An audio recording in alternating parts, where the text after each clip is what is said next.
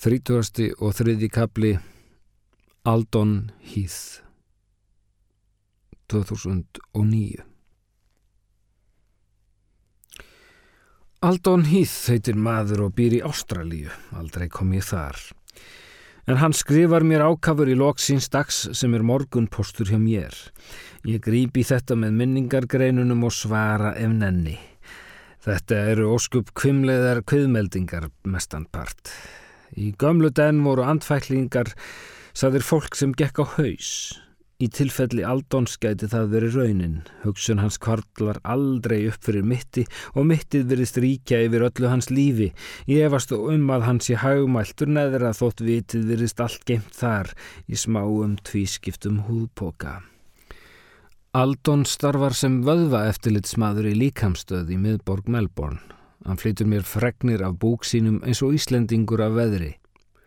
Ég var að koma heim eftir þryggja tíma kraftkeslu með bot og tekur á að djöblast þetta eftir að vinnudegi líkur og hann var eins og grátandi appilsín og eftir en við ætlum okkur auðvitað að gera enn betur eftir postin frá þér í síðustu viku. Skeppnan sem ég get verið. Við tókum vel á því í kvöld, 60 myndur á hjólinu og síðan liftingar og læti. Bot tók 135 kíló í back sem gerist nú ekki oft. Voru síðastir út eftir að Jeff gafst upp í bekknum en eins og ég sagði vann hann í hitti fyrra og var nú við tvö í fyrra þegar Hector vann. En bót er pottitt komið fram úr þeim núna. Það munar um að hafa ungfrú alheim með sér. Hann er enn að bæta sig í vöðvamassa. Tölur kvöldsins eru þingd 89, massi 43, handlegir 36, kassi 67, mitti 45, læri 41. Lofa betri tölum á morgun. Tek kannski ekki niður í 6, ást þinn Aldon. Ég tek það fram að þróturinn skrifar full nútímalegt mál fyrir konu sem lærið sína ensku á börunum í Village upp úr 1950. Hún Lóa hefur verið svo elskulega að snara þessu fyrir mig og er svo blíðust kurtis að spyrja engra spurninga. Ég læt Lindu pína mann undrið áfram af miklu miskuna leysi. Hann er alveg heila laus gauið og talar um eigin líkama í þriðju personu líkt og hann væri hundurinn hans og kallar bod. Gaf bót sjö ekki í morgunmat, bót var döglegur í dag, bót byður að helsa. Linda tekur þátt í vittlesunni og byður fyrir kveðju til bóts. Segist hlakka óskaplega til að sjá hann og vonar að hann verði in shape þegar að því kemur. Alheimsdrottningin setur þó fram skýrar kröfur um árangur, hún umgangist aðeins siguvegara. Melbourne mótið í líkamsbyggingu, bodybuilding, er yfirvofandi og okkar maður leggur sig allan fram. Hann kemur sjóðheitur heim eftir daginn og spælir sín egg á flötum maga, beikon á enni. Þá dælir hann í sig styrum blessaður og því sem hann kallar próteindrykki sem Lóa segir að drukni sé og öllum líkamsbörum heims. Mér dettur í huga að ég geti kannski reynd að byggja upp uh, vöðvamassa með stera áti en Lóa segir mig alveg nógu bræðilega í skapinu þótt ég fari ekki að smetla mér upp í sterastjarfa með tilherandi öskrum og augna góni. Frændi hennar á líkamsætt fórvist illa á slíku sumbli, mætti kassa þannin og handlegs vangjaður í fjölskyldubóðin og beit sig eftir borðbrúnum inn í svæsilegt nöðgunarmál á selfossi sem var þó allt á nefan því sterunum fylgir svo sára verkun að bóltækin böngerast. Sjálfsagt er svo staðrendin með Aldon hinn ástralska sem ég kallast undum Aldin ef ekki Ástaraldin. Maðurinn er snar óður. Bobbir er í brunkum með fyrir á morgun, þrjár vikur til stefnu og allt að gerast maður. Við ætlum að halda trykkinu áfram eftir sigurinn því bot vill vera í fullu formi þegar hann mæti til London og píkubannið er gildir auðvitað áfram, þú getur treyst því, Linduvöðvin er lokað svæði. Fröken Pétursdóttir er búin að lofa því að hitta hann á Hotel Belvedere í London strax eftir keppni. Ég leik mér að eldinum, en þá ég vist einhver staðar eldfærin, þóttur yðguð og sótbarinn sjöu. 30. og fjórði kapli Eldfærin 1953 Hún kallaði það Eldfærin þíska vinkonan mín í Argentínu sem aðrar nefndu Dussu eða Jökku en mamma kallaði aldrei annað en Döðlu það var þegar Döðlur sáust ekki á Íslandi Kinnlíf var þó aldrei feimnismál hér á landi Það var bara ekki rætt. Hins vegar höfum við aldrei pempjur verið frónskar kvinnur og ósvinnur, verdömur og vordömur. Ég vaknaði seint til líkamanns, þótt ekki vantaði á mig hanagólin og var lengjaðan á tökum á þessu lífsins hljóðfæri. Það var ekki fyrir sjö árum eftir fyrstu nauðgun að ég kom loks niður á frigðaræðina eftir langan mókstur. Það var í bæres eftir stríð. Ég bjóð þar um skeið með þýskri stúlku sem var að miklum nazista ættum og harðger til allra hluta. Hún kendi mér margt en eitt ómetanlegt. Mér er sem ég heyri í henni ákafan og eldmóðin, bæverskan og nazískan kvennfrelsis tónin. Hildegard hétt hún en kallaði sig Heidi, þóttist vera frá Sviss og bar hakalösan kross um háls.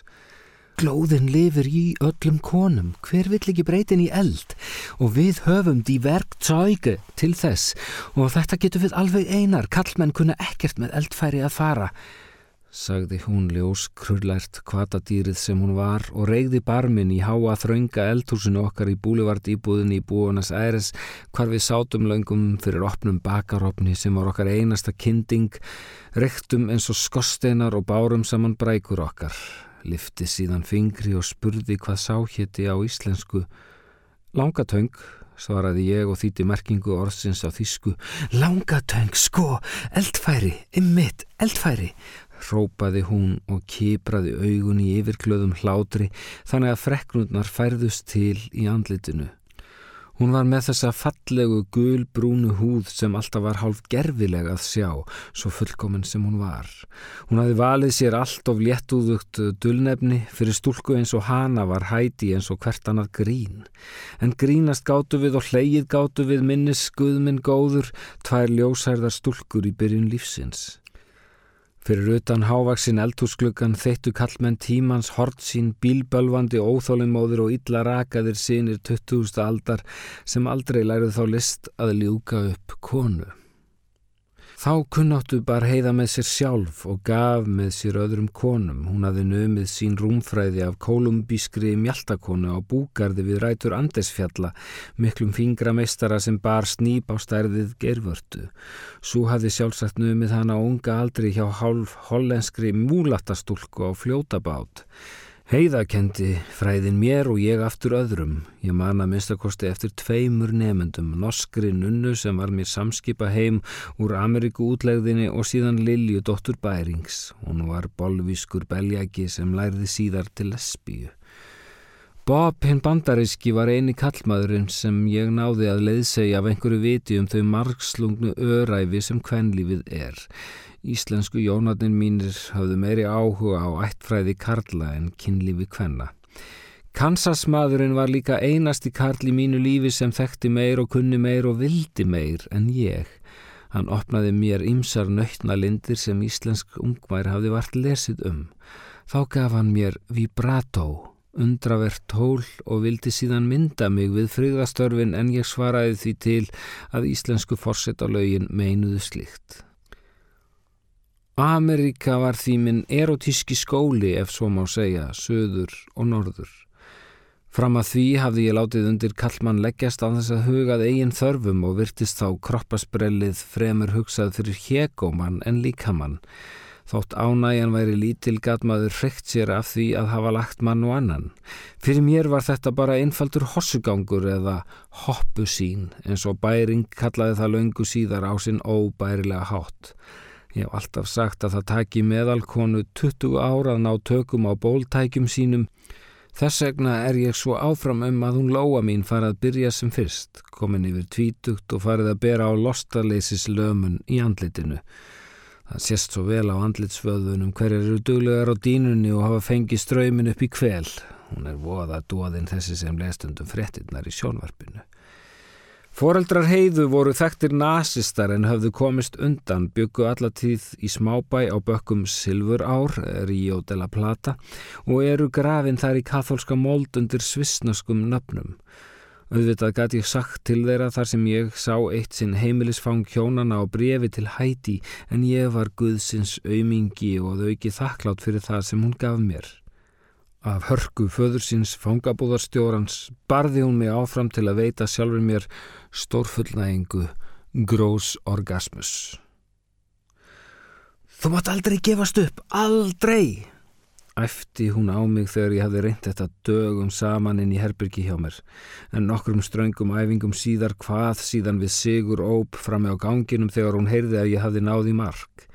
Fram að þessu hafði ég aðeins fundið fullnægi vott með hamagangi á hurðakörmum, nökkum og kústsköftum en með sínu skipandi bóðvaldi opnaði heiða mér blúsandi borhólu sem nú er reyndar kalkveikið orðin. Loksins skildi ég kennlíf.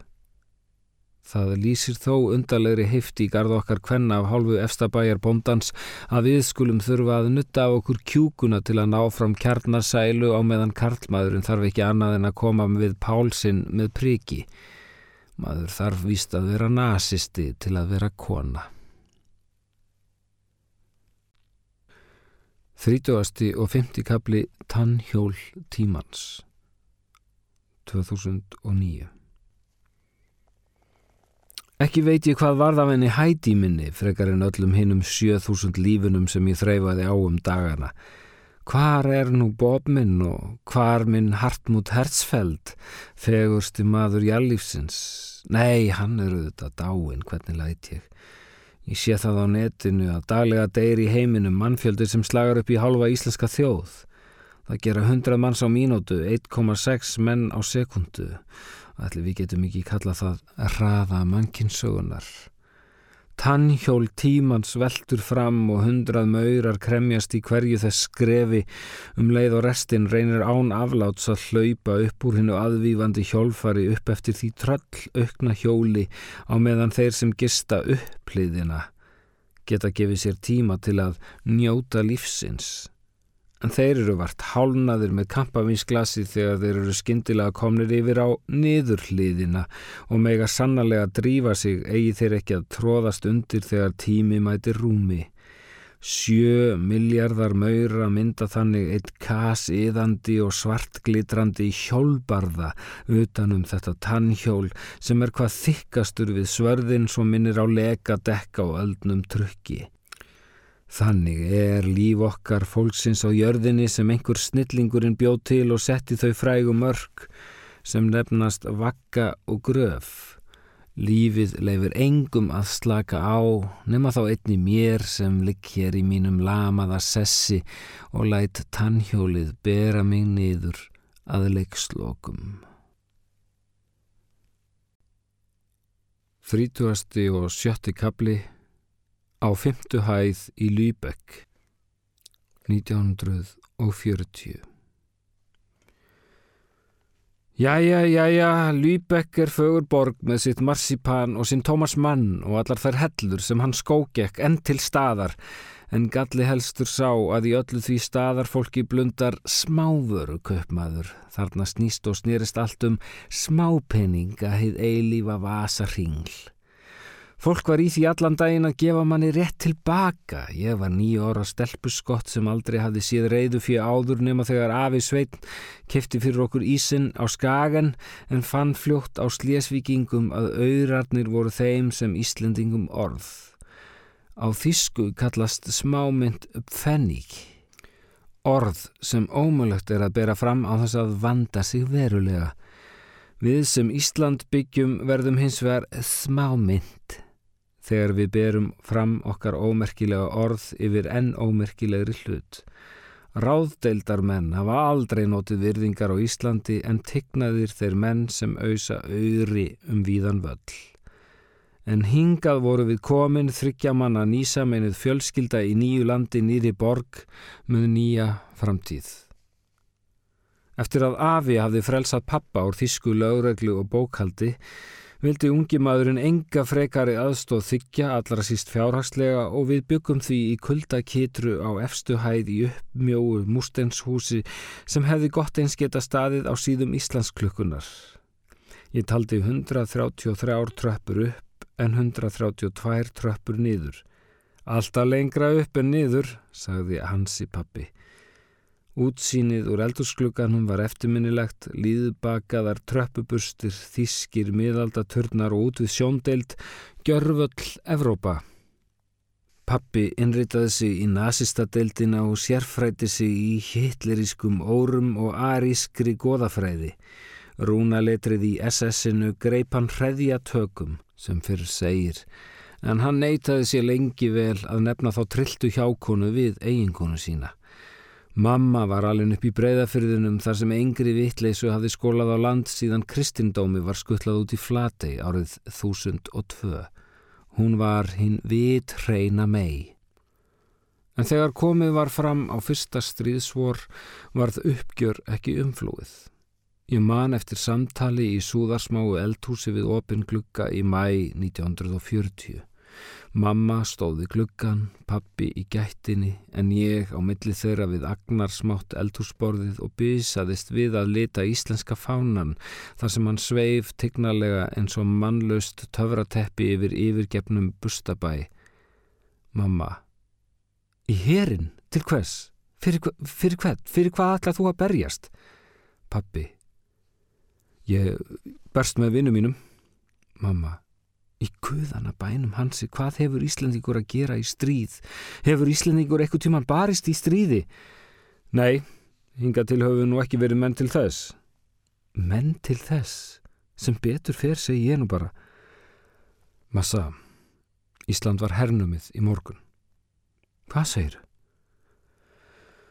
Já, ég heyrði útastfrettir í hátteginu hjá Petri. Hann getur hlustað á bresku frettirnar, BBC. Er það ekki bannað? Jó, en hann er í floknum og engin grunnar hann um slikt. Þeir tóku Íslandi í morgun. Það heyrðist ekki bissu skott. Guði sé lof. Guði sé lof. Þetta sýnir bara hvað við erum miklu auðmingjar Íslendingar. Hans Henry, hvað er hlaupið í þig? Jáfnvel Danir reyndu ekki að verja sig. Nei, þeir sáu þetta uppgjöf var þeirra besta vörn. Hvað áttu við? Nú þeir lenda réttu megin og þurfu ekki óttast stríð á sínu landi, þeir geta sofið rólegir á meðan flugskeitin þjóta um danskan heiminn eins og snjótittlingur í stórri, það eru Danir, því þeir eru ekki skotmarkið heldur Þískaland. Heldur að englendingar reyni ekki að frelsa Dani? Tjö, til hvers ættu þau að gera það? Hverjum er ekki samum Danmörku, nokkur svínabú og tvær bjórvæsmiður? Akkur talar svona um móðuland þitt? Og Danir sem hafa reynst pappaðinu svo vel? Pappi ger sér enga grillur um þá, þótt hann eigi danska konu. Hann veit sem er að þjóðir gera aldrei þjóðum greiða. Hann verður hver að hugsa um sig. En fóru ekki englendingar í stríð út af Pólandi? Englendingar hugsa bara um London. Þeir óttast það eitt að Þískaland sjáist frá Dover. En hansi, það, það sem ég skil ekki er þessi, þessi árásáþörf. Akkur þurfa þjóðverjar að eignast öll þessi lönd? Hvað hafa þeir að gera við öll þessi lönd? Ekki geta þeir búið í Pólandi eða Nóri? Finnst þeim ekki gott bara að vera heima hjá sér? Þeir sem eiga þetta góða, góða land?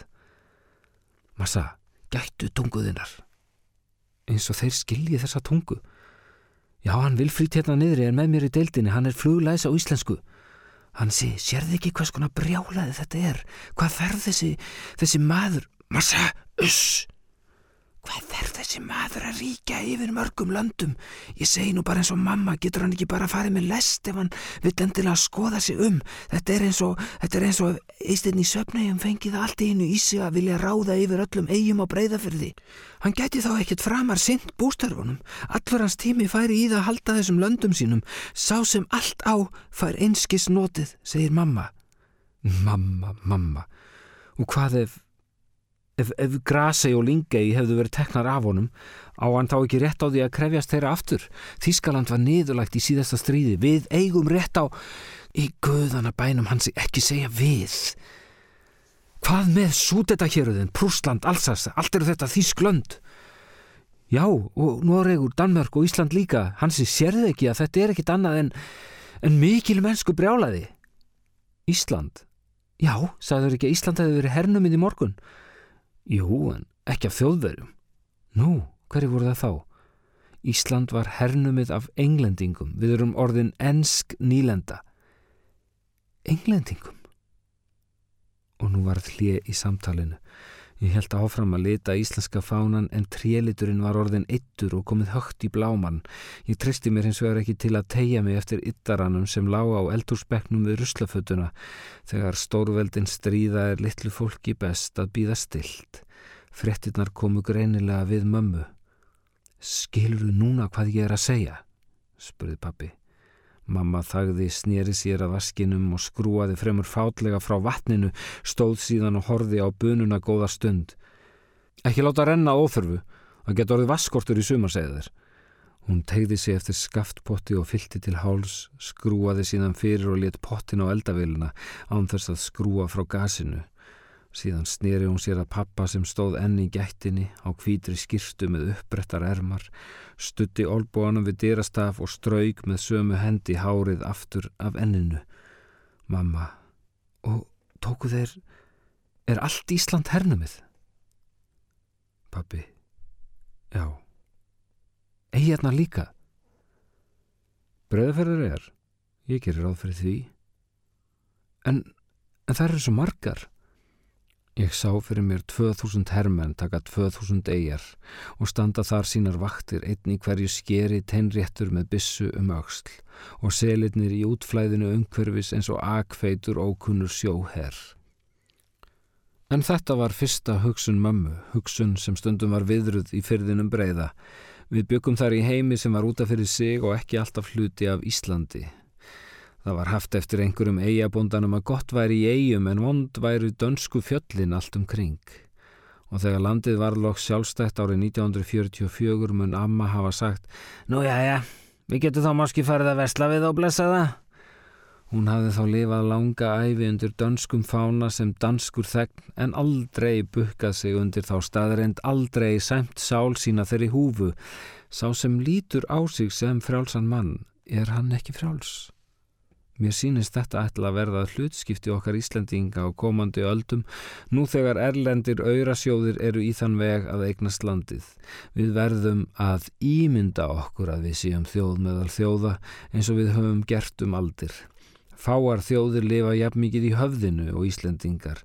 Amma sagði mér eitt sinn frá Guðrúnu á Prestbakka sem sagði eftir að hafa lendi í ljótaráni Ég var svífyrta neðan en hérna uppi er ég enþá hrein mei. Best gætu þessi orð verið balderuð í íslenska þjóðfánan. Mamma, og hvað þýðir það þá að við séum hernuminn af bretum? Pappi, það þýðir bara að Ísland sem er undir dönum sem nú er undir þjóðverjum er undirlagt af bretum. Mamma, er ekki hægt að fá ykkur fleiri þjóðir yfir okkur?